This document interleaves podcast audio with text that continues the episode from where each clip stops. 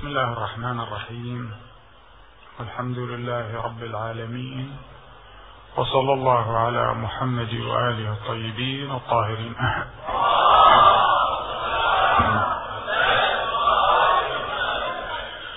مات التصبر في انتظارك. مات التصبر في انتظارك أيها المحيي الشريعة.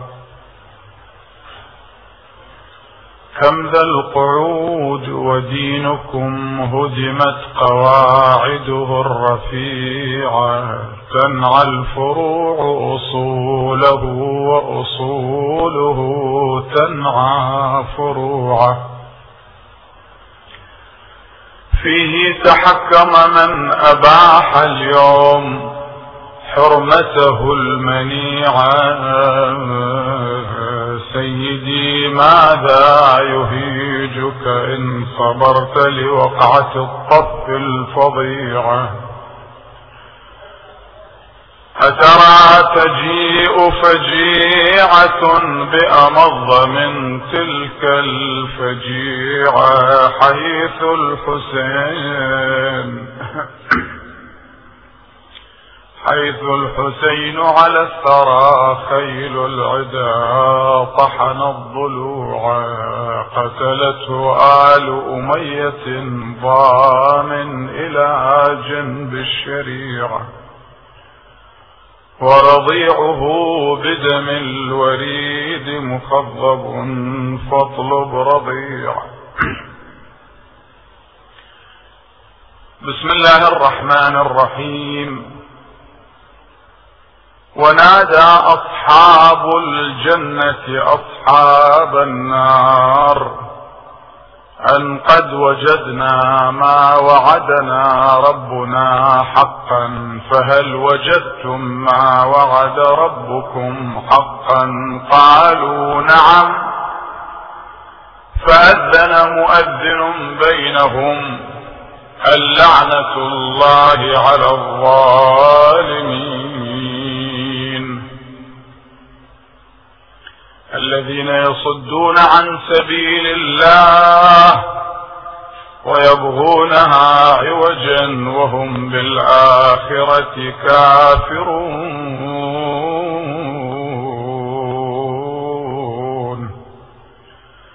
وبينهما حجاب وعلى الأعراف رجال يعرفون كلا بسيماهم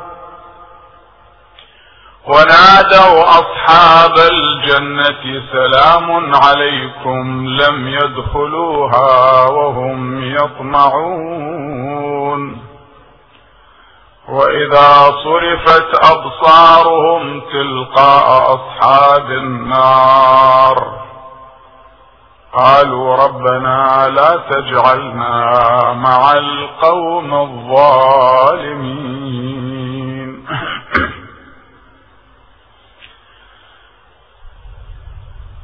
لدينا في الحياة أشياء وحقائق. وكلها تحتاج إلى معرفة. معرفة الأشياء بالحواس. نعرف هذه الأشياء التي تحيط بنا بحواسنا. ومعرفة الحقائق بالأفئدة.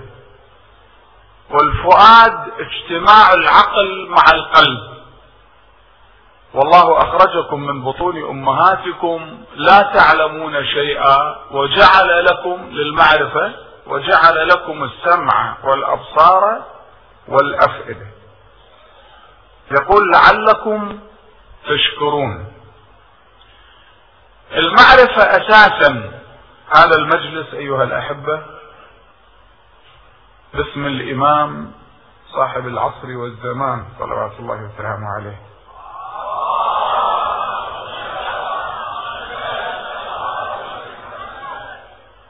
والإمام روحي فداه الإنسان عندما يتأمل أنه يحضر هذا المجلس لإحياء هذه العشرة عشرة ليالي باسم الإمام. والأيام التي نعيشها يبدو من ملامحها أنها مقدمة لظهور الإمام. والناس في غفلة اقترب للناس حسابهم وهم في غفلة معرضون. فعلينا أن نستنفر كل طاقاتنا. ليس فقط لحضور هذا المجلس وإنما لاستقبال هذا الحدث العظيم. يعني مسألة أنك تحضر المجلس لكن تحضر المجلس بمعرفة وأنك طالب للمعرفة وتريد أن تعرف شيئا في هذه الليالي. فهذا يقتضي أننا اولا نحرك مشاعر الناس ونذكر الناس لأن الناس ما متعودين أن يكون مجلس بهالأيام عشرة أيام. فيجب أن نعودهم ونذكرهم ونحرضهم على حضور هذه المجالس. ثم نشترك نحن في المجلس. ليس أنا وحدي. أصعد المنبر وأتكلم. لا أنا أريد هذه العشرة منكم. أن كل واحد منكم يكون خطيب وعالم وفقيه في هذا المجلس. تكتبون كل خاطرة تمر برؤوسكم حول الإمام صاحب الأمر تكتبونها وتبعثوها عندي. كل سؤال يمر عليكم لأن أنا أعرض الأسئلة على أهل البيت. سلام الله عليه فاسألوا أهل الذكر إن كنتم لا تعلمون. كما أنه نخصص إن شاء الله كل ليلة ثلاثة أسئلة. ونخصص لها يعني هذه نوع من الرمز جائزة جائزة رمز من الإمام. سلام الله عليه. مهما تكن تلك الجائزة هي باسم الإمام غالية كبيرة غالية غالية يعني. فكل ليلة راح نطرح ثلاثة أسئلة في آخر المجلس. وهذه الأسئلة الثلاثة لازم تجاوبون عليها قبل 24 ساعة لأنه بالليلة اللي بعدها أنا راح أجيب عن الأسئلة من دون ما أقول إجابة الأسئلة. من خلال المحاضرة الفطن اللي يلتفت يشوف الجواب حصل في كل ليلة. والعشرة أيام قليلة أيضا بحق الإمام صاحب العصر والزمان. يعني عشرة أيام قطرة من بحر ماذا تتحدث بها؟ لكنه نحن نمشي تبعا للأولويات حتى نلتفت إليه. فأنا أشير الآن بالمقدمة هذه أنتم تسمعونها والآخرين أيضا يسمعونها بالإنترنت وبالكلام إنما لاحظوا الدقة في التعبير.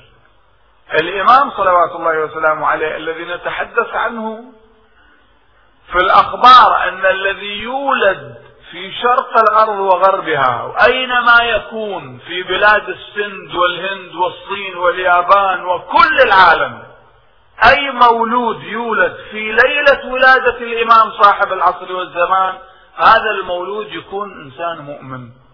مستحيل يكون كافر ومستحيل يدخل النار. تأملوا الدقة في التعبير. شو من هو هذا الإمام؟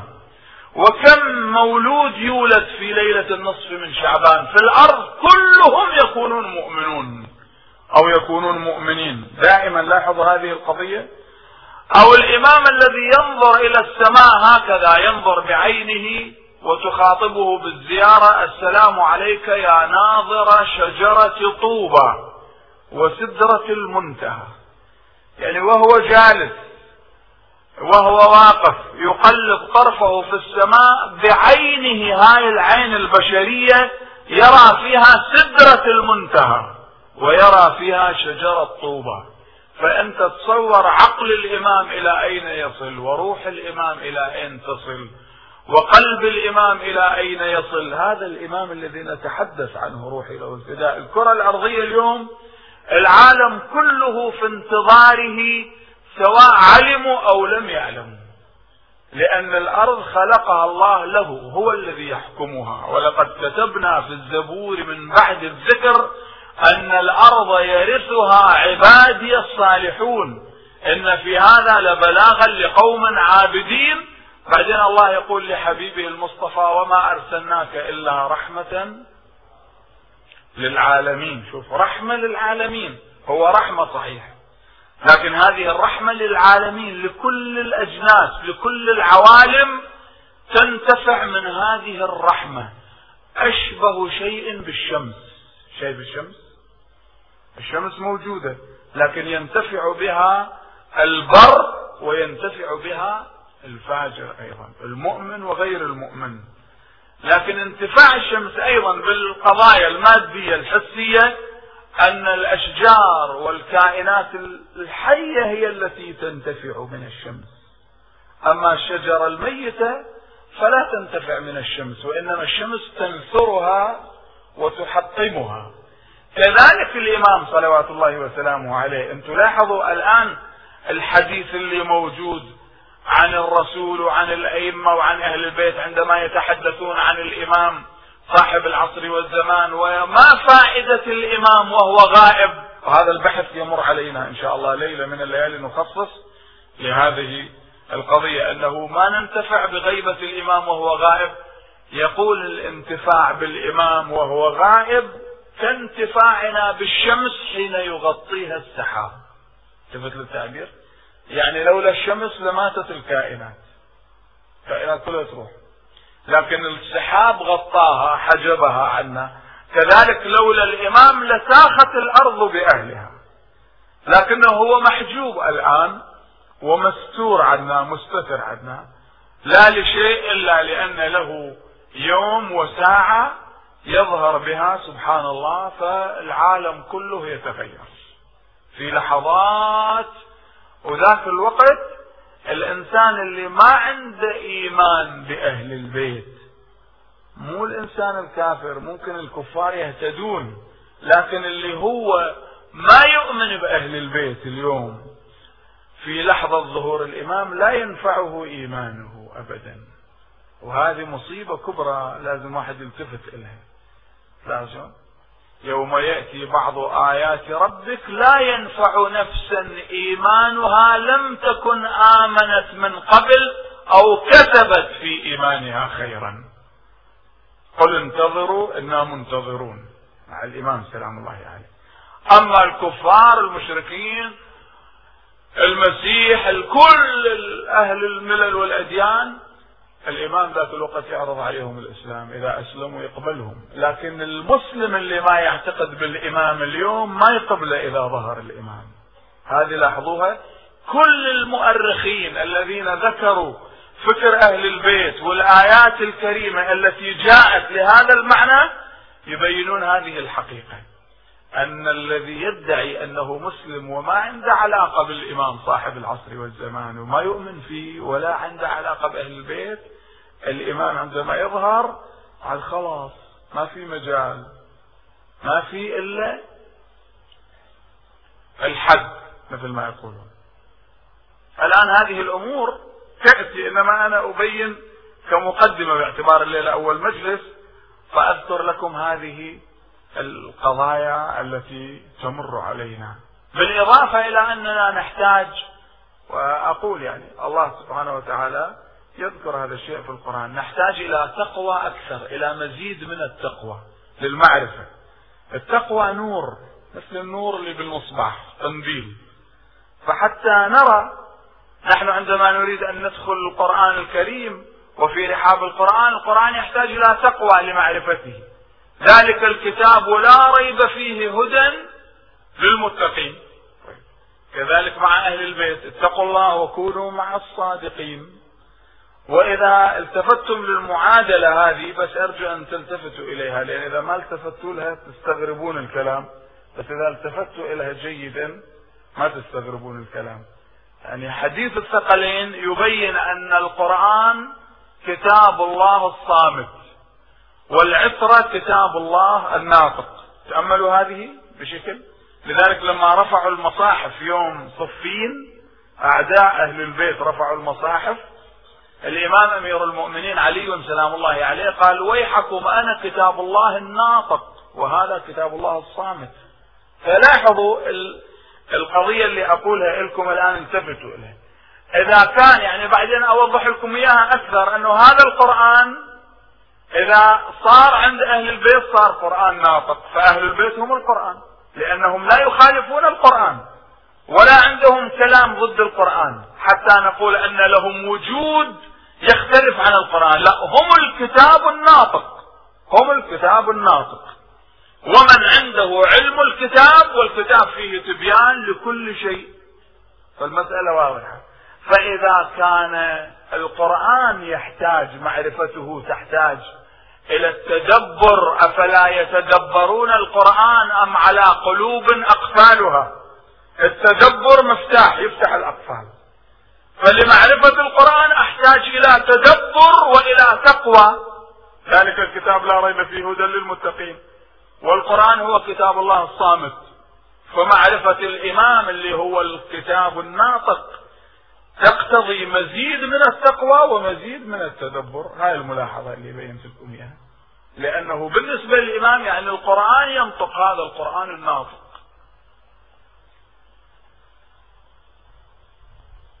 إذا المعرفة أساس كل شيء في الحياة. لماذا؟ لأن المعرفة أساسا تحرك كل جوارح الإنسان. تحرك الإيمان في القلب تحرك الخشوع. رب إني أسكنت من ذريتي بواد غير ذي زرع عند بيتك المحرم. ربنا ليقيموا الصلاة فاجعل أفئدة من الناس تهوي إليهم. والآية اللي قرأت لكم إياها والله أخرجكم من بطون أمهاتكم لا تعلمون شيء وجعل لكم السمع والأبصار والأفئدة.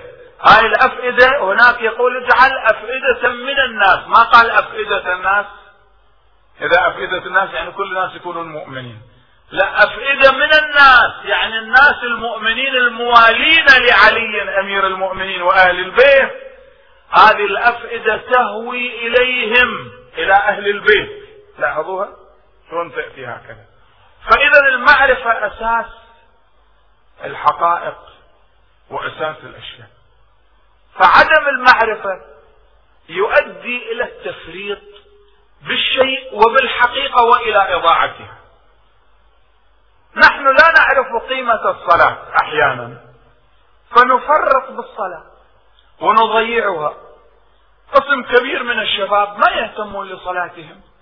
فخلف من بعدهم خلف أضاعوا الصلاة واتبعوا الشهوات. فسوف يلقون غيا. هذه فاعل التفريع يعطي المقدمة والنتيجة المقدمة أن هؤلاء أضاعوا الصلاة واتبعوا الشهوات. النتيجة فسوف يلقون غيا. يعني اللي ترك الصلاة وراح يلهث وراء الشهوات لا يقال له ذكي وفطن وشاطر وعظيم. لا لأنه سيقع في مطبات وفي أودية سحيقة. فسوف يلقون غيا في الدنيا قبل الآخرة. نحن لا نعرف قيمة على سبيل المثال لا نعرف قيمة العمر. أعمارنا ما نعرف قيمته ما نعرف قيمة الوقت. فنهجر الوقت. الله سبحانه وتعالى يقسم بالوقت. يقول بسم الله الرحمن الرحيم والعصر إن الإنسان لفي خسر. الله يقسم بالوقت وإحنا عندنا أرخص شيء الوقت. أرخص شيء الوقت. أنت اجلس 24 ساعة وانظر كيف هذه ال 24 ساعة تنفق وتصرف وتوزع فتلاحظ إذا مو ثلثين ال 24 ساعة أكون متواضع ها؟ سوف تجد اثنتي عشرة ساعة منها مضيعة. ما فيها ابدا. ويا ليتها مضيعة فقط لا معبأة بالحرام. معبأة بالغيبة معبأة بالنميمة معبأة بالنفاق معبأة بالبعد عن الله سبحانه وتعالى معبأة بالتشكيكات معبأة بالشبهات التي تثار ضد أهل البيت. هذا أقل تقدير أقول. لاحظوا؟ الله يقسم بالوقت. نحن لا نحترم الوقت. ما نحترم الوقت. لذلك تمر الفرص علينا ولا نملأها. وأمير المؤمنين يقول إضاعة الفرصة غصة. لاحظ؟ ما نعرف قيمة أهل البيت سلام الله عليهم. أنا أقول بشكل مطلق ما أقصد نحن الجالسين هنا. الناس جميعا هؤلاء اللي تسمعوهم أنتم. فما نعرف قيمتهم. واحد يسألني عن السيدة زينب. هذه في مكان من الأرض. يقول لي هذا السيدة زينب عجيب يعني هذه القبة والكذا. ما يحتاج هي امرأة يعني من سائر الناس. قلت له أنت لا تعرف قدرها ولا تعرف قيمتها فتفرط بحقها.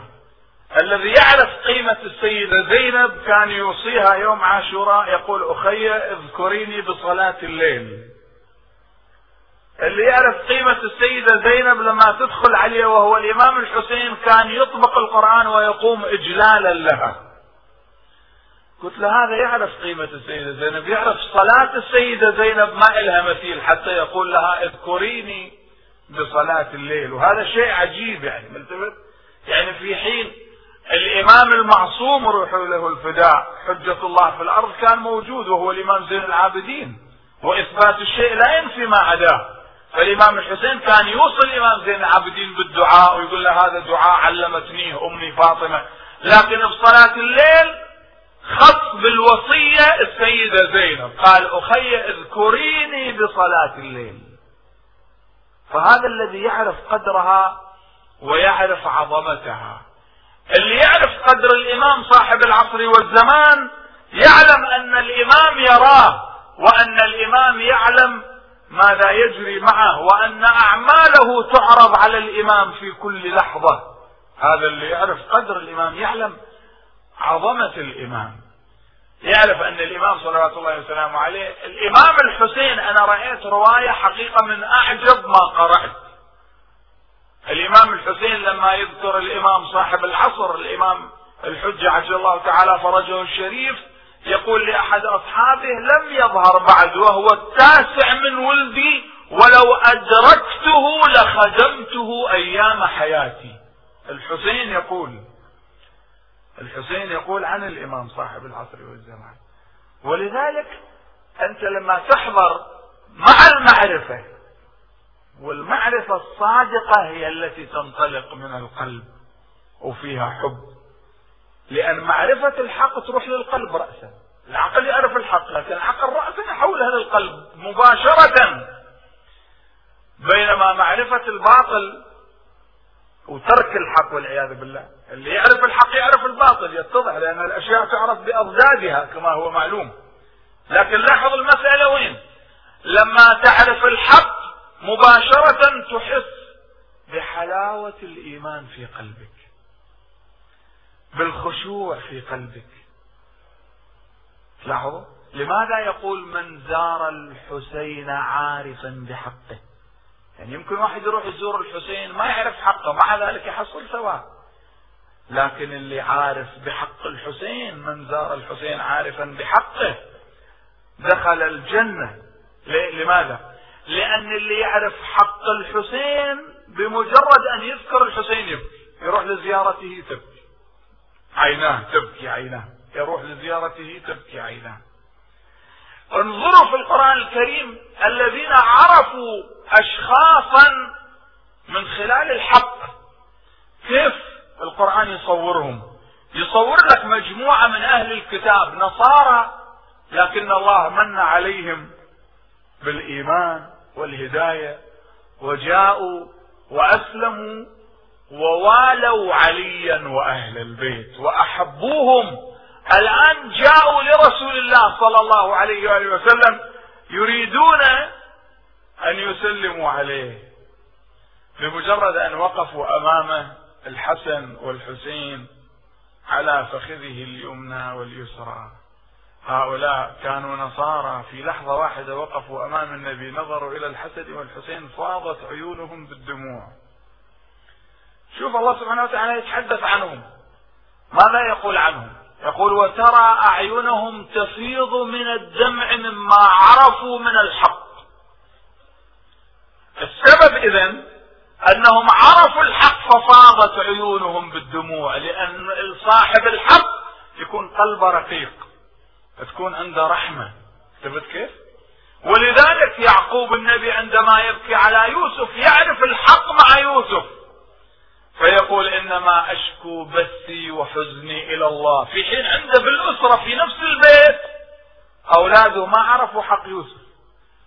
قالوا تالله تفتأ تذكر يوسف حتى تكون حرضا أو تكون من الهالكين. قال إنما أشكو بثي وحزني إلى الله. وأعلم من الله ما لا تعلمون.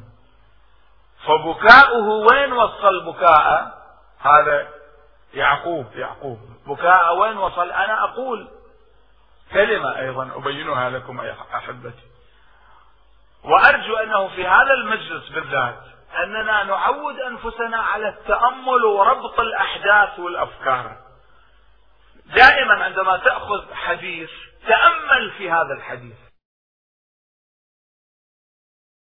نحن عندما نتحدث كمن يأخذ قطرة من ماء البحور السبعة المتلاطمة أمامه؟ عن أهل البيت سلام الله عليهم أجمعين. الآن أبين لكم ملاحظة حتى تعلموا ما أريد أن أقول أنا. ما هو الشيء الذي أريد أن أقوله؟ يعقوب النبي بلغ به الحزن إلى أن يفقد بصره. وهو عارف الحق وهو نبي معصوم. صحيح ولا مو صحيح؟ وابيضت عيناه من الحزن فهو كظيم. إحنا جالسين الآن مجلس علم وفقه. تأملوا هذا التعبير؟ هذا يعقوب بلغ به الحزن أن يفقد بصره. فهل هناك حزن أكبر من هذا الحزن؟ أنه واحد يعرف إنسان معرفة ويبكي عليه حتى تعمى عيونه. يفقد بصره. طيب لاحظوا دقة في التعبير. هذا نبي ومكانه محفوظ. لكن تأتي إلى طفلة صغيرة عمرها أربع سنوات. تأتي إلى أبيها وتبكي على رأس أبيها. حزن يعقوب أفقده بصره. حزنها على أبيها أفقدها الحياة. يعني هناك حزن يعقوب أوصله إلى أن يفقد عينه. هنا حزنها على الحسين أوصلها إلى أن تموت على رأس الحسين. فقط تأملوا هذه الأمور. أنا أريدكم كبير جدا. يعني ما يقدر واحد يوصل إليها أصلا. كبير مستواها. فمو أنه ماتت على رأس أبيها الحسين لأنها كانت طفلة ما عارفة وفزعت وماتت. لا لمعرفتها بالحسين. ومعرفتها بحق الإمام الحسين لأنه يوم عاشوراء الإمام الحسين لما ودع العائلة ناداهم بأسمائهم يا زينب يا رباب يا أم كلثوم. قال يا رقية. من جملة اللي ناداهم يودعهم رقية. اقرأوا التاريخ شوفوا المقاتل. صح زينب أم كلثوم الرباب سكينة فاطمة عاتكة ومن بينهم قال يا رقية.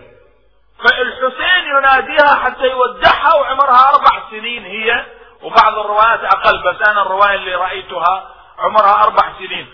فحزنها أكبر من حزن يعقوب على ولده. حزنها على أبيها أكبر من حزن يعقوب. اسمعوا هذا المعنى يا أحبابي. حزن يعقوب يوصله إلى أن إلى العمى يفقد بصره وحزنها يوصلها إلى الموت على رأس أبيها الحسين. فهاي لو تبكي عليها الليل والنهار أنت ما تأدي حقها. فإذا أنت عارف هالمعنى إذا سمعت الإمام صاحب العصر والزمان يبكي على جده الحسين يقول لأندبنك صباحا ومساء. لذلك أنا أقرأ تعزية حتى ليلة مولد الإمام أقرأ لكم تعزية. ليش؟ لأن هو يبكي على الحسين بدل الدموع دما. بدل الدموع دما. ولاحظوا لاحظوا المعنى اللي أنا أبينه لكم أحبتي. دائما واحد يلاحظ هذه الأمور ويدرسها دراسة حتى يصل للمعرفة. يصل للمعرفة. الإمام الصادق سلام الله عليه يقول من ذكرنا عنده فخرج من عينه بمثل جناح ذبابة أو جناح بعوضة. غفر الله له ذنوبه ولو كانت مثل زبد البحر. تعرف هذا الحديث ماذا يعني؟ والله هذا الحديث أنا تأملته وجدته جامعة كبرى من العلم. هذا الحديث بالذات عندما يتأمله الإنسان. أولا الإمام يصف الدمعة اللي تصدر من العين بحيث ما تطلع يعني ما تجري على الخد. فقط تلمح العين بالدمعة. هذا اللمعان وحده يقول يطفئ الذنوب لو كانت مثل زبد البحر. ماذا يعني هذا الكلام؟ لازم ترجع للقرآن حتى تعرف كلام أهل البيت. في القرآن الكريم يقول أما الزب لأهل البيت حق وأن الذنوب مهما كانت فهي زبد ما تبقى. فالدمعة إذا وقعت عليها تطفئها كلها. لذلك يقول أبو جعفر الباقر سلام الله عليه عندما نظر إلى أحد الموالين يبكي على الحسين قال والله لو أن دمعة على الحسين سقطت على جهنم لأطفأتها. دمعة واحدة. إحنا هذه لازم نعرفها ونأخذها بقوة لأن إذا فرطنا بهذه القواعد وهذه الأسس وهذه المبادئ معناها ما يبقى من الإسلام شيء. لأن غيرنا فرطوا بهذه الأمور ووقفوا على السطح على الخشب ما عندهم شيء نهائيا. تبت شنو؟ فرطوا بهالأمور وصلوا إلى درجة سطحية ما إلها مثيل أبدا في الأرض. نحن يجب أن نلتزم بهذه القضايا. الإمام الصادق يتحدث الإمام الباقر يتحدث الإمام موسى بن جعفر سلام الله عليه يتحدث. الإمام موسى بن جعفر رأى شيخا كبيرا طاعنا في السن يقرأ بيتين على الحسين سلام الله عليه. وكان عنده أموال الإمام موسى بن جعفر أموال طائلة. أعطى هذه الأموال له وقال هذا العطاء أين هذا العطاء من خدمتك لجدي الحسين؟ يعني هذا العطاء قليل وهو قرأ له بيتين من الشعر فقط. يريد يبين من هو الحسين من هو الإمام من هم أهل البيت؟ صلوات الله عليهم أجمعين. فدائما عندما يأتي الإنسان يأخذ هذه الأمور والملاحظات يمشي فيها. بعد أبين لكم ملاحظة. وأنا معك. شوفوا مثلا الإمام الحسين يوم العاشر من المحرم هذه كلها للمعرفة. كيف نعرف كلام أهل البيت؟ لأن الإمام الصادق سلام الله عليه يقول أنتم أفقه الناس إذا عرفتم معاني كلامنا. خلاص. أنتم أفقه الناس يعني ممكن أنت تدرس الفقه لكنك ما عارف معاني كلامهم. فصح على راسي هاي قواعد فقهية عرفتها. لكن هذا لا يقال له فقه. الفقه أنك تعرف معاني كلام أهل البيت المعنى للكلام. يقول إن الكلمة تصدر من فمنا ولها سبعون وجها تصرف فيه. مثل ما اجى أبو حنيفة ودخل على الإمام الصادق وصار يتكلم كلام كلام كلام كلام. الإمام الصادق قال أصبت يا أبا حنيفة. فلما خرج أبو حنيفة جاء محمد بن مسلم أو ابو بصير. هؤلاء تلامذة الإمام الصادق قالوا سيدنا أنت قلت لأبي حنيفة أصبت. قال أصاب الخطأ. التفت للتعبير. لأنه لا فقيه أمام الإمام الصادق هو سيد الفقهاء. فما في أحد يعني ما فيها تعارفات. أبدا المذاهب الإسلامية كلها تعترف بعظمة هذه المدرسة مدرسة الإمام.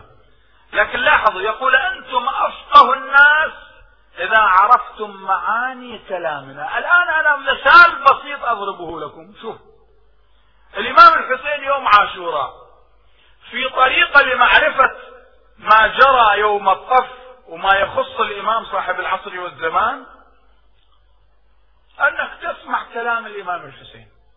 سلام الله عليه. وتفسر هذا الكلام. فسره الآن الإمام الحسين سلام الله عليه يرى جمعهم كأنه السيل يرفع يديه بالدعاء يدعو الله سبحانه وتعالى ثم يقول أسرعتم إليها كطيرة الدبع وتداعيتم عليها كتهافت الفراش. فسحقا لكم يا عبيد الأمة أو الأمة وشذاذ الأحزاب ونبذة الكتاب ومحرف الكلم وعصمة الإثم فماذا يريد أن يقول الحسين سلام الله عليه؟ لما يقول أسرعتم إليها كطيرة الدبا الحسين سلام الله عليه يريد أن يبين أعدادهم الضخمة الكبيرة. يريد أن يبين أن الجيش الذي لأن الله يقول كم من فئة قليلة غلبت فئة كثيرة. والحسين سلام الله عليه يريد ضمن كلامه يبين للعالم عدد الجيش وكبر الجيوش التي جاءت. فيقول أسرعتم إليها كطيرة الدبا. طيرة الدبا الجراد. فالإمام لما يصفهم بالجراد يبين أن أعدادهم كبيرة لأن الجراد يأتي بمئات الألوف. صح ولا مو صحيح؟ بعدين الجراد يأتي للإفساد والفساد والإمام الحسين يقول خرجت لطلب الإصلاح. الجراد تسيره غرائزه لا عقل له وهؤلاء لا عقول لهم. وتداعيتم عليها كتخافت الفراش. الفراش يجي للنور هذا بدل ما يس تحترقون بالنار لأنكم تقتلون الحسين؟ شوف التفت أو يوم العاشر يلتفت إلى أصحابه. هذا بحث عميق جدا إنما إشارة بسيطة. شيء يقول لهم إن الله قد أذن في قتلكم وقتلي في هذا اليوم. فعليكم بالصبر والقتال. هذه الكلمة والله لو تأخذوها يا إخوة وتشاهدوها. إن الله قد أذن في قتلكم وقتلي ماذا تعني هذه الكلمة؟ لازم تروح القرآن تقرأ قوله تعالى أذن للذين يقاتلون بأنهم ظلموا وإن الله على نصرهم لقدير. يعني الحسين يبين أنه هو المظلوم وأنه هو الذي يقاتل ما يقاتل هو لأنه يقول يقاتلون. يعني لذلك لما أراد مسلم بن عوسجة أن يرميهم بسهم الحسين قال لا إني أكره أن أبدأهم بقتال. يبين لك عمق الإسلام. هذا بحث مفصل فيه. فالمعرفة أحبتي أهم شيء. الآن لكي نعرف الإمام صلوات الله وسلامه عليه لاحظوا هذا المشهد العظيم الذي يصوره القرآن الكريم وهو يوم التنادي. يعني يوم التناد. هذا ينادي وهذا ينادي وذاك ينادي. منادات لكن تجد أهل المعرفة هم الذين انتصروا بهذا الموقف. السورة مأخوذة من المعرفة واسمها سورة الأعراف. والأعراف من المعرفة ومن العرف يعني المكان المرتفع العالي. عرف الديك عرف الفرس هذا الشعر المكان. لأنه مرتفع. ثبت كيف؟ هذه السورة اسمها سورة الأعراف. فلاحظوا المشهد لاحظوا. أول ما يبدأ بالنداء أصحاب الجنة. نداء آخر لأصحاب الأعراف. وعلى الأعراف رجال. الأعراف عليها طائفتان من الناس. الأعراف عليها أهل البيت. ومع أهل البيت شيعتهم المذنبون الذين استوت حسناتهم وسيئاتهم. فبقوا على الأعراف. ثبتوا شوفوا معنى المعرفة هنا شنو. ثم أصحاب الأعراف ينادون هم أهل البيت. ثم النداء الأخير لأهل النار ونادى أصحاب النار أصحاب الجنة أن أفيضوا علينا من الماء أو مما رزقكم الله. الآن لاحظوا النداء التنادي. تبدأ المشهد يبدأ بهذا المكان. ونادى أصحاب الجنة من الذي نادى؟ أصحاب الفاعل منه أهل الجنة أصحاب الجنة. ونادى أصحاب الجنة أصحاب النار. الآن ماذا يقولون لهم؟ أن قد وجدنا ما وعدنا ربنا حقا. فهنا اطلاع كامل. أهل الجنة مشرفين على أهل النار. وأهل النار يرون أهل الجنة ويسمعون كلامهم. فاتصال مباشر. ملتفت شلون؟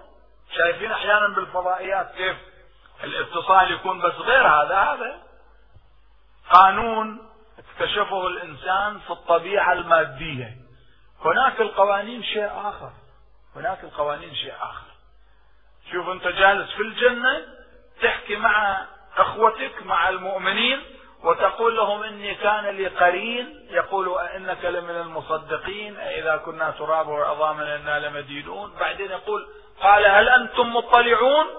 صاحب الجنة يقول أهل الجنة يقول تحبون تشوفون هذا صديقي بالدنيا اللي كان يستهزئ بالقبر وبالبعث وبالنشور ويقول لا قبر ولا حساب ولا كذا.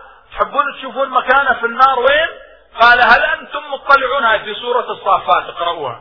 قال هل أنتم مطلعون؟ فاطلع فرآه في سواء الجحيم. قالت الله إن كدت لترديني ولولا نعمة ربي لكنت من المحضرين. يعني هذا موالي لصاحب الغدير وأتممت عليكم لأن يقول ولولا نعمة ربي لكنت من المحضرين. لو مو ولاية أمير المؤمنين كنت معاك أنا في النار. ثبت الآن هذا اللقاء. ونادى أصحاب الجنة أصحاب النار أن قد وجدنا ما وعدنا ربنا حقا. وهذا المشهد كلنا نراه. وإن شاء الله نحن النداء يبدأ من عندنا ها؟ بإذن الله. ونادى أصحاب الجنة أصحاب النار. الآن لاحظوا الجنة أهلها وأصحابها. والنار أهلها وأصحابها. بين الجنة والنار كثبان عالية اسمها الأعراف. عليها أهل البيت وعليها ناس استوت حسناتهم وسيئاتهم من شيعة أهل البيت. مذنبين موجودين ينتظرون الفرج. شلون؟ لأن الحساب صار. واللي راح للجنة راح للجنة واللي راح للنار راح للنار. بقوا هؤلاء خايفين لكن مع أهل البيت مع الأئمة مع الأعراف. الآن النداء لاحظوا النداء. النداء يكون من أصحاب الجنة إلى أصحاب النار وعلى الأعراف أهل البيت موجودين وأمير المؤمنين سلام الله عليه موجود هنا. ونادى أصحاب الجنة أصحاب النار أن قد وجدنا ما وعدنا ربنا حقا. فهل وجدتم ما وعد ربكم؟ لم يقل ما وعدكم لا قال ما وعد ربكم حقا؟ قالوا نعم لما قالوا نعم وإذا هناك مؤذن يؤذن بينهم بين الجنة والنار على الأعراف منو صاحب الأذان؟ اسمع. فأذن مؤذن بينهم اللعنة الله على الظالمين. ما قال على الكفار؟ قال الظالمين الذين يصدون عن سبيل الله ما ماشيين على أهل البيت. الذين يصدون عن سبيل الله ويبغونها عوجا.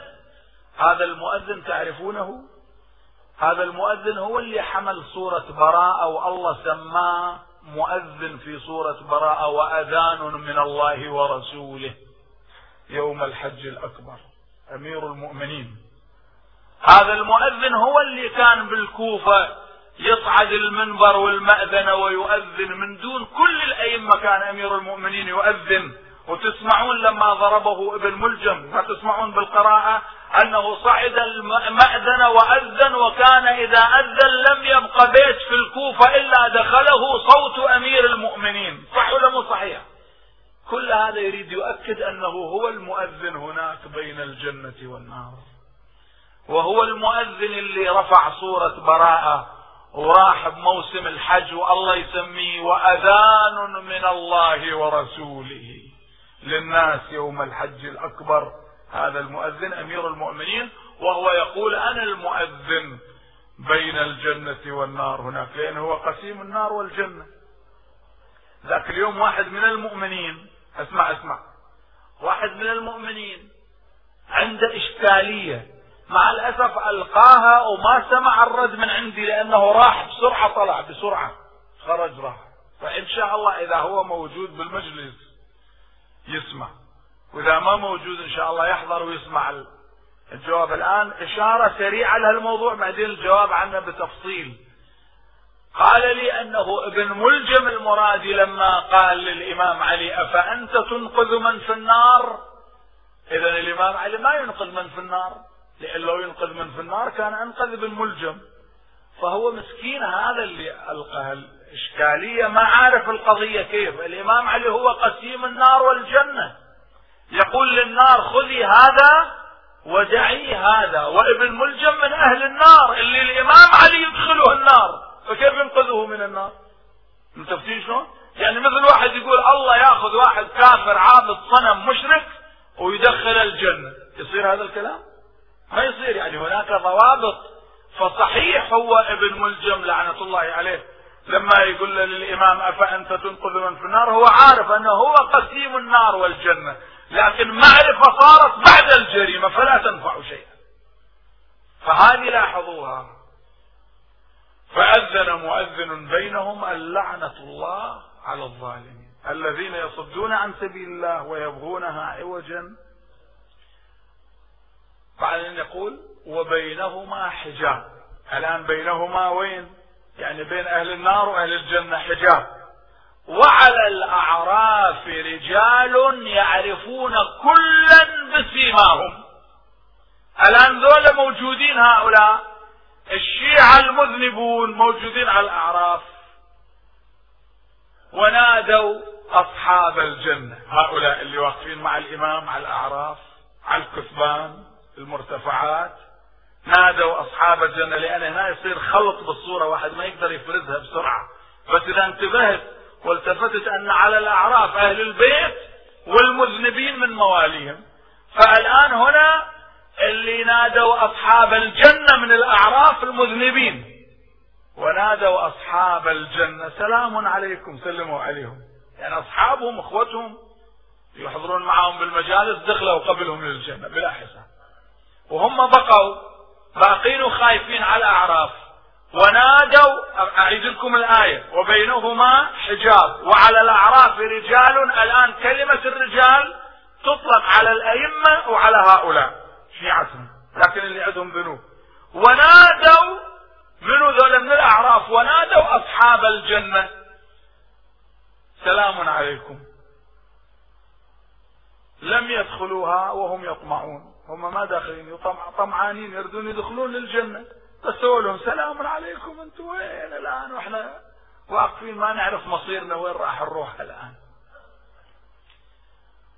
فالأئمة سلام الله عليهم أمير المؤمنين أيضا يقول انظروا إلى أخوتكم في الجنة كيف يتنعمون ينظرون الله هذا وين؟ شوف قال انظروا إلى أعدائنا كيف يتعاوون في النار. وإذا صرفت أبصارهم تلقاء أصحاب النار قالوا ربنا لا تجعلنا مع القوم الظالمين.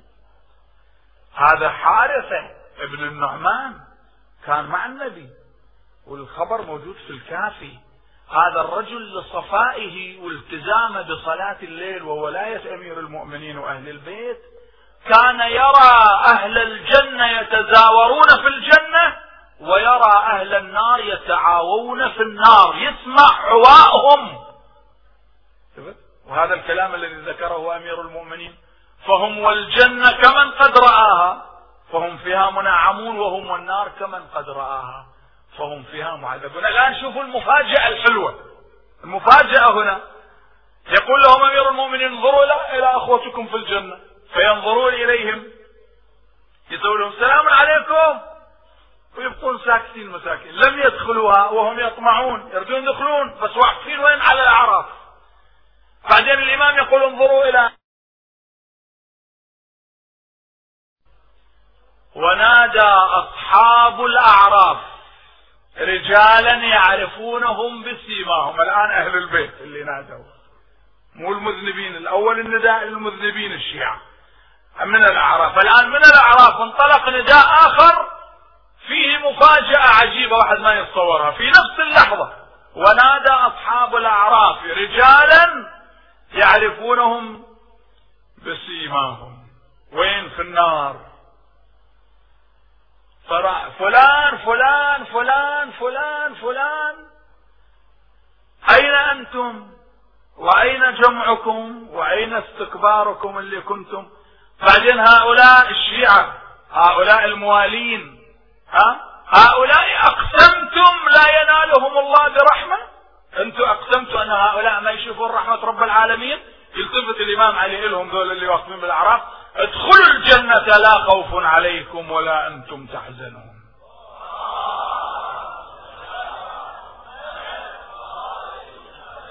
فيدخلون الجنة. ووالله هذا تفسير الأعراف ما تحصلوا إلا عند أهل البيت.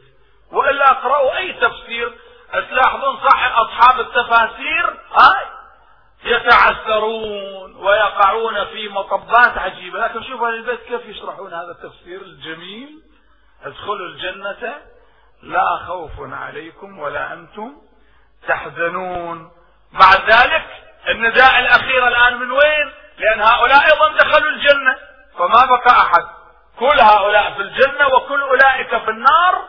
فيبدأ النداء الأخير من أهل النار لأهل الجنة لأنهم هؤلاء يدخلون جهنم وهم عطاشة. ونادى أصحاب النار أصحاب الجنة. هاي صلاة الليل اذكروها. ونادى أصحاب النار أصحاب الجنة. أول نداء أصحاب الجنة ينادون أصحاب النار. الآن أصحاب النار ينادون أصحاب الجنة لأي شيء يطلبون منهم ماء وخبز. أكل. ونادى أصحاب النار أصحاب الجنة أن أفيضوا علينا لأن الجنة أعلى والنار تحت. أفيضوا علينا صبونا ذبونا شوية ماء شوية خبز جوعانين ميتين هلكانين. ونادى أصحاب النار أصحاب الجنة أن أفيضوا علينا. من الماء أو مما رزقكم الله قالوا إن الله حرمهما على الكافرين. ما يصل لكم شيء منهم. شوف الملاحظة.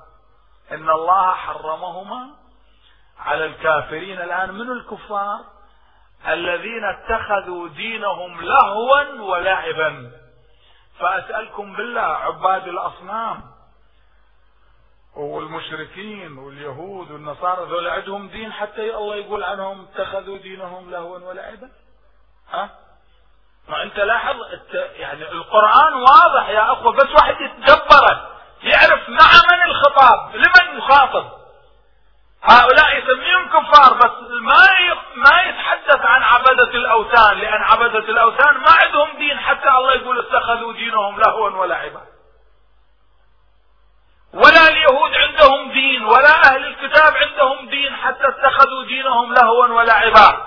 هذا الكلام مع الناس اللي عندهم دين إسلام رضيه الله واتخذوه لهوا ولعبا. صح ولا مو صحيح؟ يعني أنتم كلكم مثقفين ما شاء الله. فلاحظوا لاحظوا التعبير. الذين اتخذوا دينهم لهوا ولعبا وغرتهم الحياة الدنيا. فاليوم ننساهم كما نسوا لقاء يومهم هذا. شلون نسوا لقاء يوم هذا؟ وكانوا بآياتنا يجحدون وما كانوا بآياتنا يجحدون. آيات الله الكبرى لقد رأى من آيات ربه الكبرى هم أهل البيت. الآن عندما نأتي إلى الإمام صلوات الله وسلامه عليه ومعرفة الإمام وراح تشوفون أنا أعتقد والله سبحانه وتعالى يبين هذا المعنى إن شاء الله تعالى أن المسألة يعني صارت قريبة من القلوب قريبة من القلوب ومؤثر. بس واحد ياخذ احتياطه وياخذ استعداده. إذا عندك عزيز ويريد يقدم عليك وتشوفه قدوم الغائب كيف تستقبله أنت ما تستقبله بصلاة الليل بالعمل الصالح بتطهير القلوب بتطهير النفوس خصوصا ونحن نستقبل شهر رمضان الآن.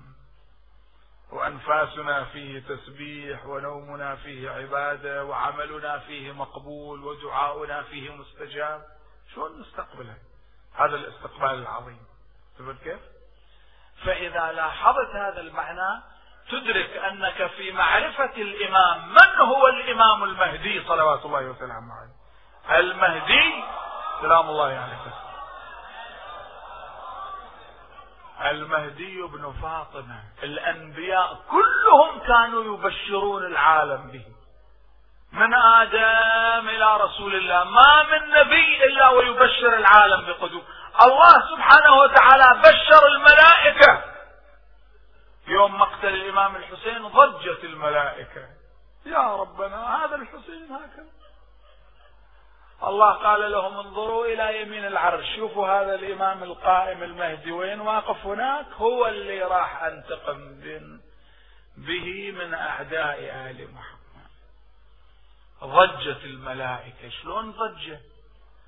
قضية الإمام الحسين تحتاج إلى تأمل حبيبي. لذلك الإمام الحجة يقول لأندبنك صباحا ومساء ولأبكين عليك بدل الدموع دما. حتى الشمس حتى الشمس الشمس نزلت يوم عاشوراء على الحسين. وهذا في درس كبير لأن الشيطان حرك الأبالسة والشياطين في الأرض في العالم. والشيطان قال لرب العالمين قال يا رب إذا نزلت الشمس على الحسين الحسين يفقد صبره إذا تنزل الشمس عليه يفقد صبره الآن يكفر. والشيطان ما طلب من الله أن ما يجري عليه الموت والله أعطاه مو صحيح في القرآن؟ الشيطان قال ربي أنظرني إلى يوم يبعثون قال إنك من المنظرين. موجود في القرآن أيضا. فهنا أراد الله أن يبين المعجزة الكبرى. الشمس تحركت للحسين وهو على رمضاء كربلاء. حرارة الشمس ودماؤه تجري. لذلك الإمام الحجة سلام الله عليه يقول فهويت إلى الأرض جريحا تطأك الخيول بحوافرها. يعني الخيل دارت على الحسين وداست جسم الحسين قبل أن يقتل وبعد مقتله. فالملائكة ضجت. هاي الملائكة اللي ما استطاعت أن تنظر للحسين يرفع عمامته مع جده رسول الله. الآن ضجت الملائكة. يا ربنا يصنع بالحسين هكذا. الله قال لهم انظروا إلى ولده المهدي. جبرائيل ما تحمل ربي أنا ما أتحمل أنا خادم الحسين لازم أنزل أظلل عن حرارة الشمس. وإذا الحسين يرى شخصا يقف عليه يظلل له عن حرارة الشمس.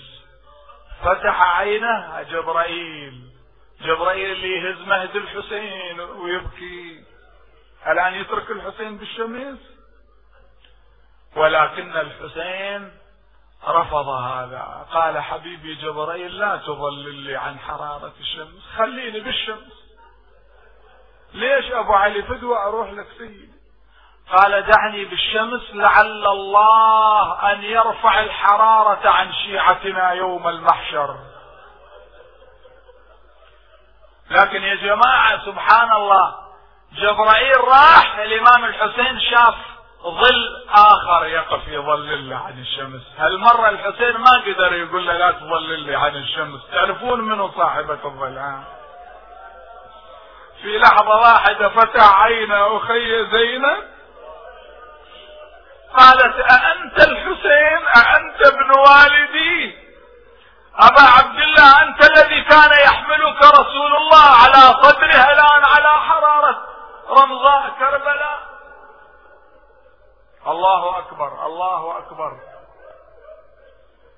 يا ثغر الرضعت ويا الخوة من فدا يمي ويا وجه العلم القا يزول وينجلي همي. ويا روح الذي بردايا ريحة والدي وعمي. مع ذلك قال لها أخي زينب والله لقد كسرت قلبي وزدتيني كربا فوق كربي. أخي عودي إلى الخيمة واحفظي لي عيالي واقبالي يا بان بعيني لباري لك عيالك. وبروحي لسجت لك أطفالك. يا خويا الموت لا يرضى بدالك رحنا تركنا فدالك أحبتي أنا أقدم لكم الأسئلة الآن وبعدين تأخذوها بالكمبيوتر أيضا. بس إذا واحد عنده ورقة وقلم أنا أرجو أنه كل ليلة يكون معكم ورقة وقلم لكتابة الأسئلة. مجرد المشاركة بالأجوبة وبالجواب تأخذ جائزة من الإمام صاحب العصر والزمان. هذه فيها جوائز أيضا باسم الإمام روحي له الفداء. السؤال الأول اكتبوه عندكم بارك الله فيكم. نحن عندنا مشاهدة الإمام الحجة ورؤية الإمام الحجة. فمن الممنوعة منهم ومن الممكن والمستحيل. هناك خلط بين المشاهدة. من ادعى المشاهدة فلا تصدقوه أو من ادعى الرؤية فلا تصدقوه. فالسؤال الأول ما هو الفرق بين الرؤية والمشاهدة للإمام الحجة؟ سلام الله عليه. هذا السؤال الأول. اكتبوا. ما هو الفرق بين الرؤية والمشاهدة للإمام؟ السؤال الثاني ما هو الممكن؟ هل الرؤية ممكنة أم المشاهدة ممكنة؟ ومن المستحيل؟ هل الرؤية مستحيلة أم المشاهدة مستحيلة؟ هذه شوية تحرك أجواءنا. السؤال الثالث إذا ظهر الإمام في بعض الأخبار أنه يقتل أعداء الله وأعداء الرسول وأعداء الإنسانية.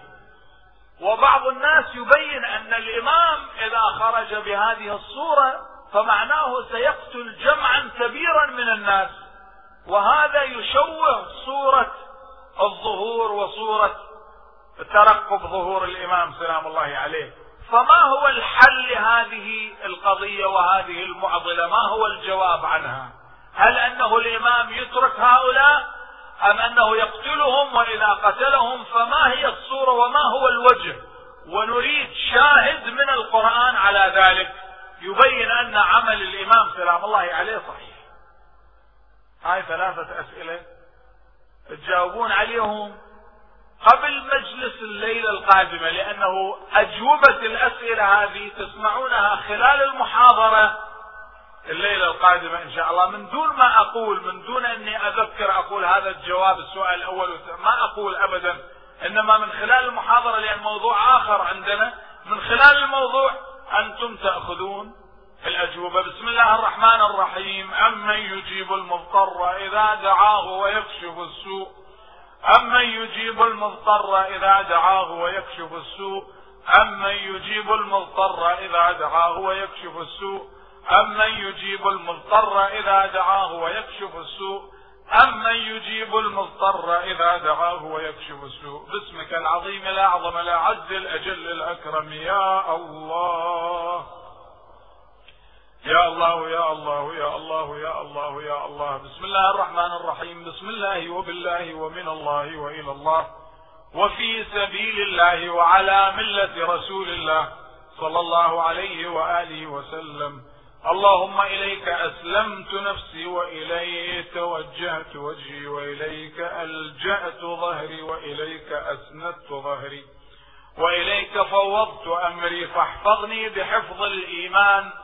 من بين يدي ومن خلفي وعن يميني وعن شمالي ومن فوقي ومن تحتي وادفع عني بحولك وقوتك فإنه لا حول ولا قوة إلا بالله العلي العظيم. اللهم وصل على محمد عبدك ورسولك وحبيبك ونبيك وصفيك وخيرتك من خلقك وحافظ سرك ومبلغ رسالاتك. أفضل وأحسن وأجمل وأكمل وأزكى وأنمى وأطيب وأطهر واسنى وأكثر ما صليت على أحد من أنبيائك ورسلك وأهل الكرامة من خلقك. وصل على علي أمير المؤمنين ووصي رسول رب العالمين. عبدك ووليك وأخي رسولك وحجتك على خلقك وآيتك الكبرى والنبأ العظيم. وصل على الصديقة الطاهرة فاطمة الزهراء سيدة نساء العالمين. وصل على سبطي الرحمة وإمامي الهدى الحسن والحسين سيدي شباب أهل الجنة. وصل على أئمة المسلمين علي بن الحسين ومحمد بن علي وجعفر بن محمد وموسى بن جعفر وعلي بن موسى ومحمد بن علي وعلي بن محمد والحسن بن علي والخلف الهادي المهدي. حججت على عبادك وأمنائك في بلادك صلاة كثيرة دائمة. اللهم وصل على ولي أمرك القائم المؤمل والعدل المنتظر وحفه بملائكتك المقربين.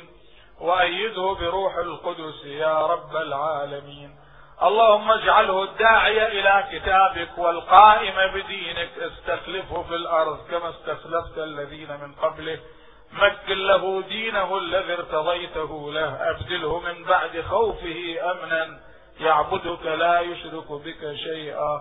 اللهم أعزه وأعزز به وانصره وانتصر به. وانصره نصرا عزيزا وافتح له فتحا يسيرا مبينا واجعل له من لدنك سلطانا نصيرا. اللهم كل وليك الحجة ابن الحسن صلواتك عليه وعلى آبائه في هذه الساعة وفي كل ساعة وليا وحافظا وقائدا وناصرا ودليلا وعينا حتى تسكنه أرضك طوعا وتمتعه فيها طويلا. برحمتك يا أرحم الراحمين وصلى الله على محمد وآله الطيبين الطاهرين.